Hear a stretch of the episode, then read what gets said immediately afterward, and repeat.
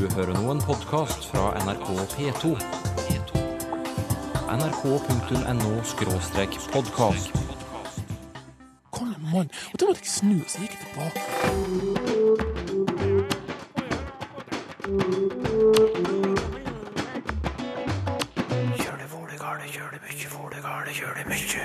Det er ikke bærekraftig. Begrepet bærekraftig. En gang handlet det om klima og miljø. Det er brukt i så mange sammenhenger at flere og flere stiller seg jo spørsmål hva betyr det egentlig? Ikke alle steder har like velklingende navn. Der er eksempel Skitnerud og Pissrud. Helvetesrud. Gjemmer du noe i hånden din, Sylfeslomme? Eh, Vær så god. Til meg? Dette er ikke for det offentlige, og det er ikke åpent, men dette er til deg. Nei, nei, nei, nei, det der er jo ikke lov. Og så kan du se på hva dette er. Du, hva er det du driver med? Unter der hand. Onter? Forklaring følger, håper jeg. Alt du hører i Språkteigen i dag, tar utgangspunkt i brev fra lyttere. For eksempel får du snart vite at noen gårdsnavn har vært så lite flatterende at nye eiere har byttet navn. Det har vært for flaut, rett og slett. Historien begynner med et brev fra Åsmund Odnøy, som spør hvor kommer stedsnavn som slutter på rud fra? Altså Manglerud, Skullerud, Siggerud, Ellingsrud osv. Og navnegransker Inge Seirheim, først kan du jo fortelle hva rud betyr. Ja, ordet rud betyr en rydning. Så det er en, en gard som har blitt rydda på, på disse plassene. Det henger sammen med verbet rydda, ta opp en gard eller jord. Ja. Og hva slags steder er det som har fått slike navn? Ja, det er ofte taler om litt mindre gårder som ligger mellom større gårder, større og eldre gårder. Og en kan kanskje også si det er utkantgårder, litt mer perifert leie, da. Mange av de vært eh, fraflytta i senmellomalderen, men navnet kan ha levd videre som teiknavn eller senere plassnavn, altså navn på husmannsplass. Og Rud, Rud er den, faktisk den største gardsnavnklassen som vi har, med mer enn 3000 eksisterende navn da, og tidligere så har det vært enda flere, altså en, eh, vi må regne med 5000 stadnavn. Ja. Og denne navnetypen er særlig utbredt på Østlandet, særlig da i Indre Østfold, Buskerud, Indre Oslofjorden.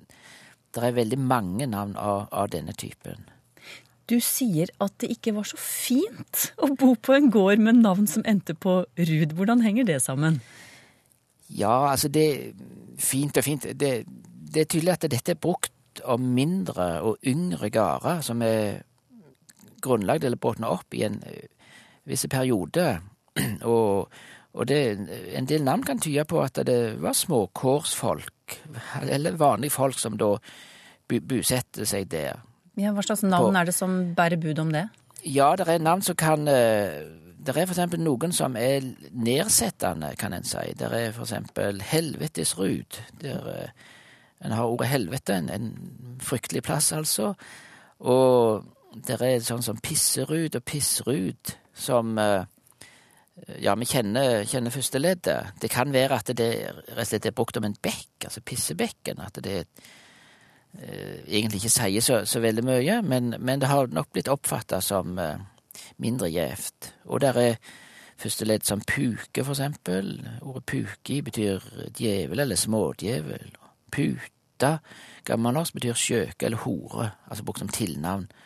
Og der, der er for eksempel Skitnerud og, og en del andre eksempler av, av denne typen. Men hvorfor ble det satt slike navn på disse gårdene?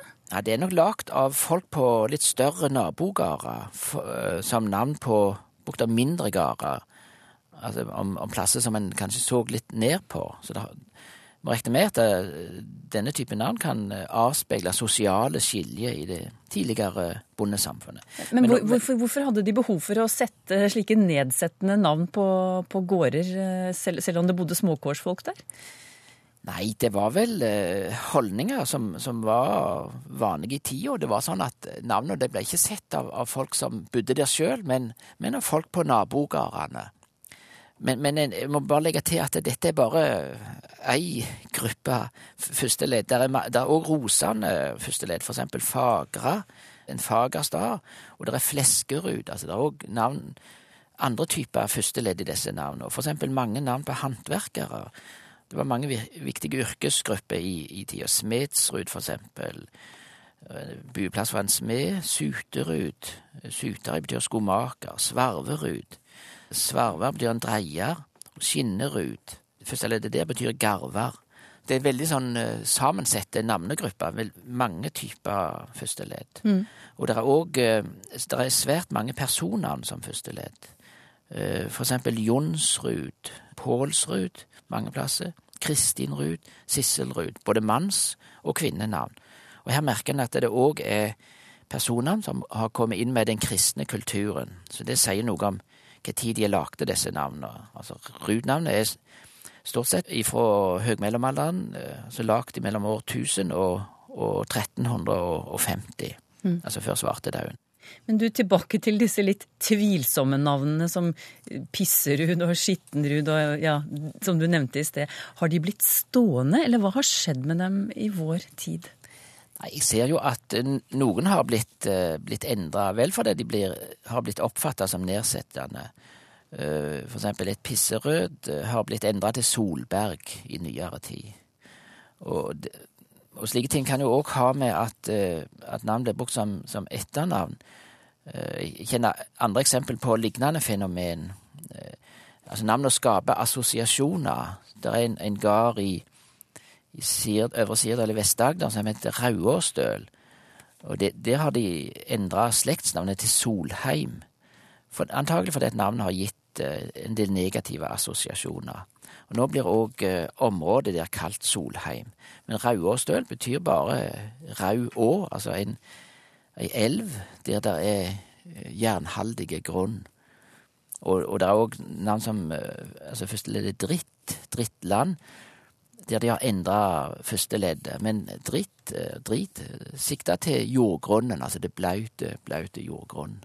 Så i seg sjøl så, så, så er navnet ofte beskrivende, men de, de har gitt assosiasjoner som, som folk ikke har likt, og derfor så har de kanskje endra på slike navn. Og det går det jo an å forstå. Du hørte navnegransker og professor Inge Særheim ved Universitetet i Stavanger. Påskjønnelse i posten til deg, Åsmund Odnøy, siden spørsmålet ditt ble til en hel sak her i Språkteigen. Ordet bærekraftig. Før var vi vant til å høre Gro Harlem Brundtland bruke det f.eks. slik. Vi får ingen fred hvis ikke det er en bærekraftig utvikling. Men nå brukes det også slik. Dette er et utvalg som har pekt på utfordringer med den manglende bærekraften i norsk innvandringspolitikk. Frp-leder Siv Jensen om bærekraftig innvandring i forbindelse med at rapporten fra partiets bærekraftutvalg ble kjent nå nylig. Der blir også uttrykket kulturell bærekraftig innvandring brukt. En lytter, Elisabeth Høie, skriver til Språkteigen og stusser over denne bruken av bærekraftig. Den er ny for henne, sier hun. Og det stemmer det. Søker du på kulturell bærekraftig innvandring i avisarkivene, så er første treff bare noen uker gammelt.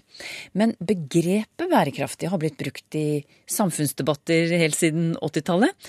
Og derfor spør jeg deg, Berit von der Lippe, professor i retorikk ved Handelshøyskolen BI, historien til ordet bærekraftig. Hvordan er den?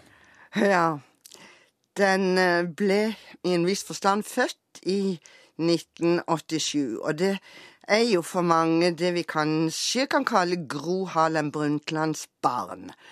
Og bærekraft, substantivet eller adjektivet bærekraftig, det har jo vist seg å være bærekraftig i den forstand at det er så mange som har likt det. Og når mange liker et ord, så blir det også mange som slåss om hva det skal bety, og i hvilken sammenheng det skal brukes. Jeg sa en gang til noen studenter at det ligger der som en språklig diamant som mange er frista til å forsyne seg av. Så um, ja, paradoksalt nok eller lekende nok, så kan vi si at bærekraftig er et bærekraftig ord i den forstand at det er fristende å bruke, men det er lite bærekraftig nettopp fordi så mange bruker det på så ulike måter. Ja, den gangen Gro Harlem Brundtland leverte rapporten Vår felles framtid, altså i 1987, så definerte jo hun bærekraftig utvikling som eh, ja, det å ta vare på behovene til mennesker som lever i dag, uten å ødelegge framtidige generasjoners muligheter til å dekke sine. Og på engelsk heter dette sustainable development. Og så ser vi i et gammelt uh, avisklipp fra 80-tallet at Gro Harlem Brundtland hun var egentlig ikke helt fornøyd med bærekraftig utvikling, det, det, den oversettelsen. Hun hadde vurdert andre mulige oversettelser også. Jeg skjønner i grunnen ikke at Gro ikke likte bærekraftig. Fordi det, det er i utgangspunktet på mange måter en potent metafor. Hva, mener, hva mener du med det? Ja, potent metafor. Um, bærekraft. Hvis liksom jeg tenker substantivet bærekraft, eller for så vidt adjektivet bærekraftig, så går det nesten an å se for seg en hånd, en muskuløs hånd, som, som virkelig um, konnoterer, altså som gir assosiasjoner til styrke. Uh, det er derfor jeg sier potent. Det er liksom noe muskuløst over det bærekraftige. Og det andre er at det er noe fra bygningsplassen hvor det kan hente sin bokstavelig mening. Og da ser jeg for meg en byggeplass med stillaser. Eller et hus. Det må være holdbart i strukturen. Det må være bærekraftig. Der syns jeg at det kan si noe om den kraften som ligger også i metaforen, fordi metaforen bærer jo alltid med seg noe av det som måtte ligge i det bokstavelige. Men Vi ble altså kjent med det for, for uh, alvor på 80-tallet. Men hva skjedde så med dette språklige bildet, da? Bærekraftig. Hva skjedde siden? Jo, nettopp fordi det var såpass nytt og jeg vil si kraftig, og det fikk så stor internasjonal oppmerksomhet. Man skulle nå virkelig ta klima, miljø og sågar fattigdom på alvor. Så lå det der i språket, og det ble nesten en kamp om å være mest bærekraftig, så å si fra begynnelsen av, sånn at det gikk inn i de fleste partiprogram. Det var bare Fremskrittspartiet som hadde en vri på det i sin partiprogram fra 1990-tallet og fremover. Alle andre norske politiske partier brukte det knytta til den idealistiske oppfatningen om en bedre verden for alle og for miljøet. Og Fremskrittspartiet snakket eller skrev om bærekraftig valuta, bærekraftige børser Altså, de kjørte det inn i en økonomisk kontekst med en gang.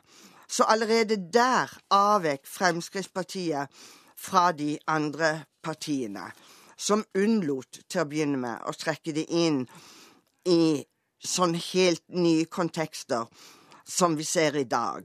Ja, du, du sier at metaforen bærekraftig har vandret, og her har du jo gitt kanskje et eksempel på det, men på hvilke andre måter har du registrert at begrepet har vandret?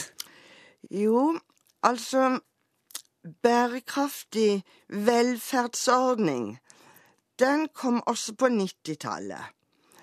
Fort kom det til å bli snakk om bærekraftig turisme, bærekraftig lønnsvekst, det ble bærekraftig boligbygging, bærekraftig ledelsesfilosofi, bærekraftig finansnæring. Og bærekraftig økonomisk politikk snakker jo for så vidt Gro om i rapporten. Hun kobler det til økonomisk vekst. Hun kobler det til økt frihandel. For å kunne nå de målene hun setter i den rapporten.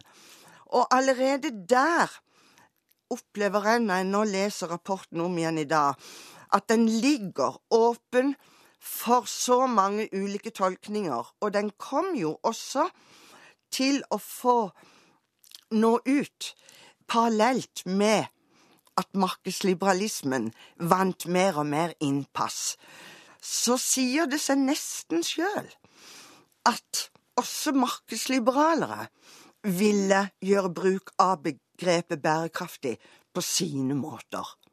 Men hvor, hvorfor tror du at eh, det var så mange som ville ta i bruk dette begrepet?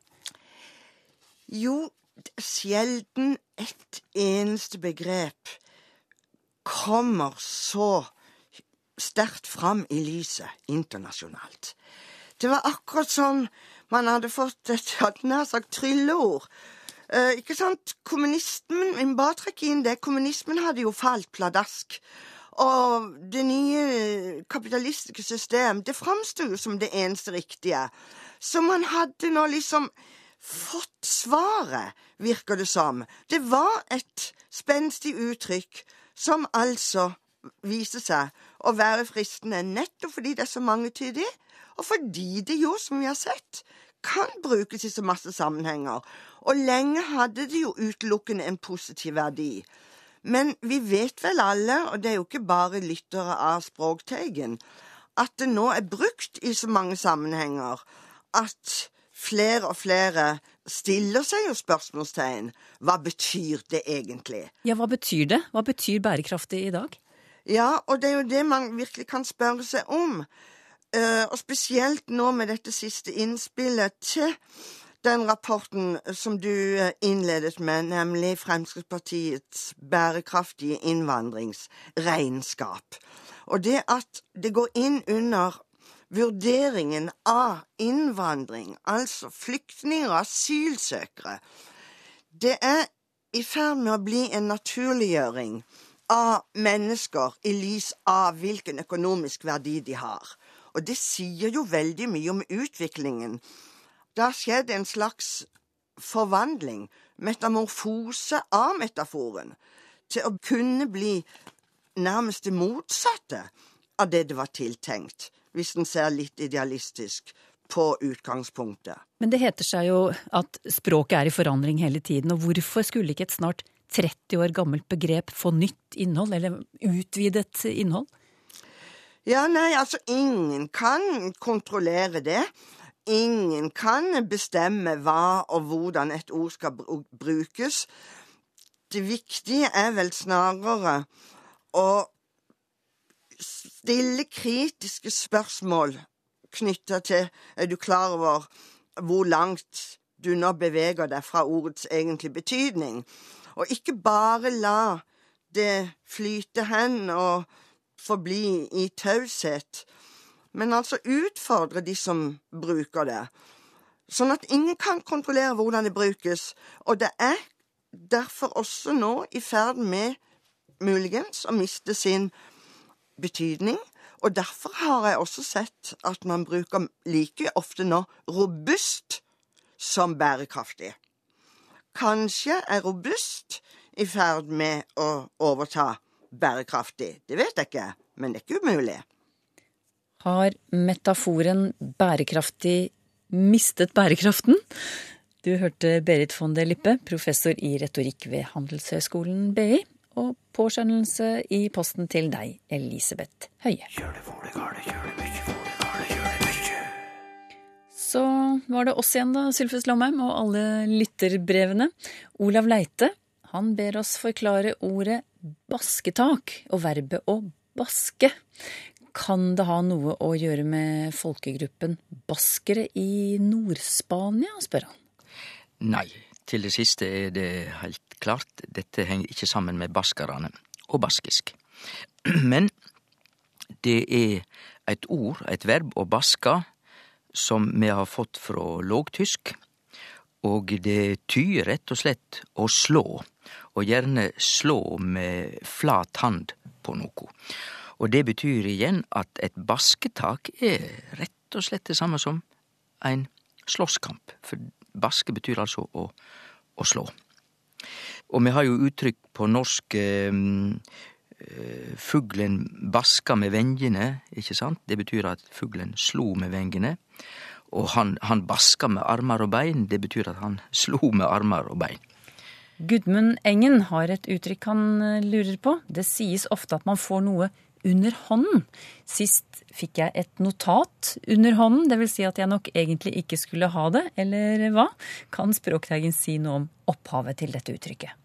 Opphavet er tysk. Unter der hand. Og det betyr at det er det du får under handa, eller kanskje løynt inne i handa. Eh, vær så god, dette er ikke for det offentlige, og det er ikke åpent, men dette er til deg, og så kan du se på hva dette er. For under handa på norsk er noe som er uoffisielt og ikke åpe. Vidar Aasheim Johansen mener at ingen lenger kjenner forskjellen på substantivet feil og adjektivet og adverbet gal. Han har et eksempel fra yr.no, der en eh, meteorolog skrev at folk har feile oppfatninger av hva vårvær er. Og dette reagerer eh, Vidar Aasheim Johansen på. Han spør hva kan være årsaken til denne gale bruken av feil og gal? Ja, jeg eh, er freista til å svare politisk her og si at jeg er glad for dette spørsmålet, fordi det er veldig mange nordmenn som tror, som Vidar Aasheim Johansen, at vi ikke kan bruke feil som adjektiv at vi bare kan bruke feil som substantiv. Altså å gjøre ein feil er greit nok, men vi kan ikkje si at et svar er feil, vi må si et galt svar. Det er mange som tror. Altså at feil ikke kan være adjektiv, men det er feil. Feil på norsk kan brukast både som substantiv, ein feil, og også som adjektiv, altså et feil svar. Slik er reglene på norsk. Og når det gjelder bøying av substantivet feil, så er det òg mange som, som uh, tror at uh, det kan bøyes bare på én måte, altså én feil, flere feil, og på nynorsk én feil, flere feil. Men på nynorsk kan du også skrive flere feilar, og bøye det som et heilt vanlig substantiv med AR. Så det, det, er flere ting å si om dette her med feil. Men sjølsagt, eh, Vidar Åsheim Johansen kan gjerne praktisere det som han gjerne vil, nemlig å bare bruke gal om, som adjektiv og feil som substantiv. Det går godt an å praktisere språket på den måten. Bekymringsverdig er et ord Frøydis Guldal reagerer på. Hun skriver jeg kan bruke ordene bekymringsfull og beundringsverdig, men bekymringsverdig. Jeg stusser hver gang jeg hører dette ordet, og jeg hører det svært ofte. Kommentar fra deg, Sylfest. Frøydis Guldal har all grunn til å stusse. Det er ikke skikkelig norsk språkbruk å si bekymringsverdig. Vi sier bekymringsfull, for da er du full av bekymring for et eller annet. Og min gode kollega Per Egil Hegge i si spalte i Aftenposten, han har tatt dette opp flere ganger, mener jeg. Erik Kristiansen tar opp eh, begrepene anerkjenne og erkjenne, og vil at vi skal forklare hvordan de skal brukes. Og det er det nok behov for, fordi disse verba likner jo hverandre i form, bokstav og alt. Det er bare førestavinga an som er ulik, altså erkjenna og anerkjenna. Meininga er likevel prinsipielt veldig ulik. Erkjenna betyr å innrømme. Ok, ja, en som har gjort et brotsverk, kan erkjenne at han har gjort det. Ja, mm, det er greit, jeg innrømmer det. Men anerkjenne er å erkjenne som riktig, altså du godtek noe. Du anerkjenner eit krav. Du anerkjenner eit argument. Du sier jau, argumentet det held. Og eh, du anerkjenner ein stat, ikkje minst i internasjonale forhold, da godtek du ein stat som ein fullverdig stat i verdssamfunnet. Erling Andersen lurer på hva som er i gåseøyne godkjent norsk skrivemåte av det tyske ordet 'fingerspitzengefühl'. Eh, Han ser at det ofte skrives 'fingerspitzgefühl' på norsk. Men bør vi ikke bruke det som er korrekt tysk, spør han, og legger til hvorfor ikke bruke et godt norsk ord som fingerspissfølelse? Jeg har sjøl skrevet fingerspitzgefühl, og da fikk jeg kritikk med en gang at jeg ikke brukte den fulle tyske forma fingerspitzengefühl og med to prikker over u-en. Og det er jo slik det blir skrevet på tysk. Elling Andersen sier at han ikke finner det i ordbøkene, og det er jo heilt naturlig. Dette er jo rett og slett et tysk ord, og vi har jo det tilsvarende ordet på norsk, fingerspissfølelse, som han sier, og på, eller også fingerspisskjensle. Og det er jo det ordet som står i ordbøkene. Geir Hovensjø tar opp bruken av ordene såret og skadet. Er det noen meningsforskjell, spør han, og han har et eksempel her. Såret i en bilulykke. Den formuleringen skurrer litt i ørene hans. Såret forbinder jeg med krig og elendighet, skriver han. Eller omvendt, han ble skadet i slaget ved Stiklestad. Det høres også snodig ut. Jeg vet ikke hva du syns? Helt opplagt Geir Hovensjø har rett i dette. Du blir ikke skada i et slag. Når det pågår kamp, så blir du såra, eventuelt. Og i ei ulykke, og det er jo ikke det samme som kamp og slåssing, da kan du bli skadd. Så det er forskjell i bruken, de, bruken av de to orda på den måten. Det er også en annen vesentlig skilnad, og det at sår da ser vi for oss både blod og synlige skader må være til stades for at det skal være sår, medan en skade er meir generelt. Det kan være både på sinn og skinn at du blir skadd. Altså du kan ha ytre skade og indre skade som ikke du ser. Så skade er rett og slett et meir omfattende og meir generelt ord enn sår. Har du spørsmål til Språkteigen, skriv til teigen krøllalfa nrk.no. Eller du kan skrive til Språkteigen, NRK P2, 7005 Trondheim. Du finner oss òg på Twitter og på Facebook. Det var Språkteigen for denne gang. Husk at du kan høre sendingene våre om igjen i nettradioen radio.nrk.no. Der er det også mulig å laste ned programmene som podkast.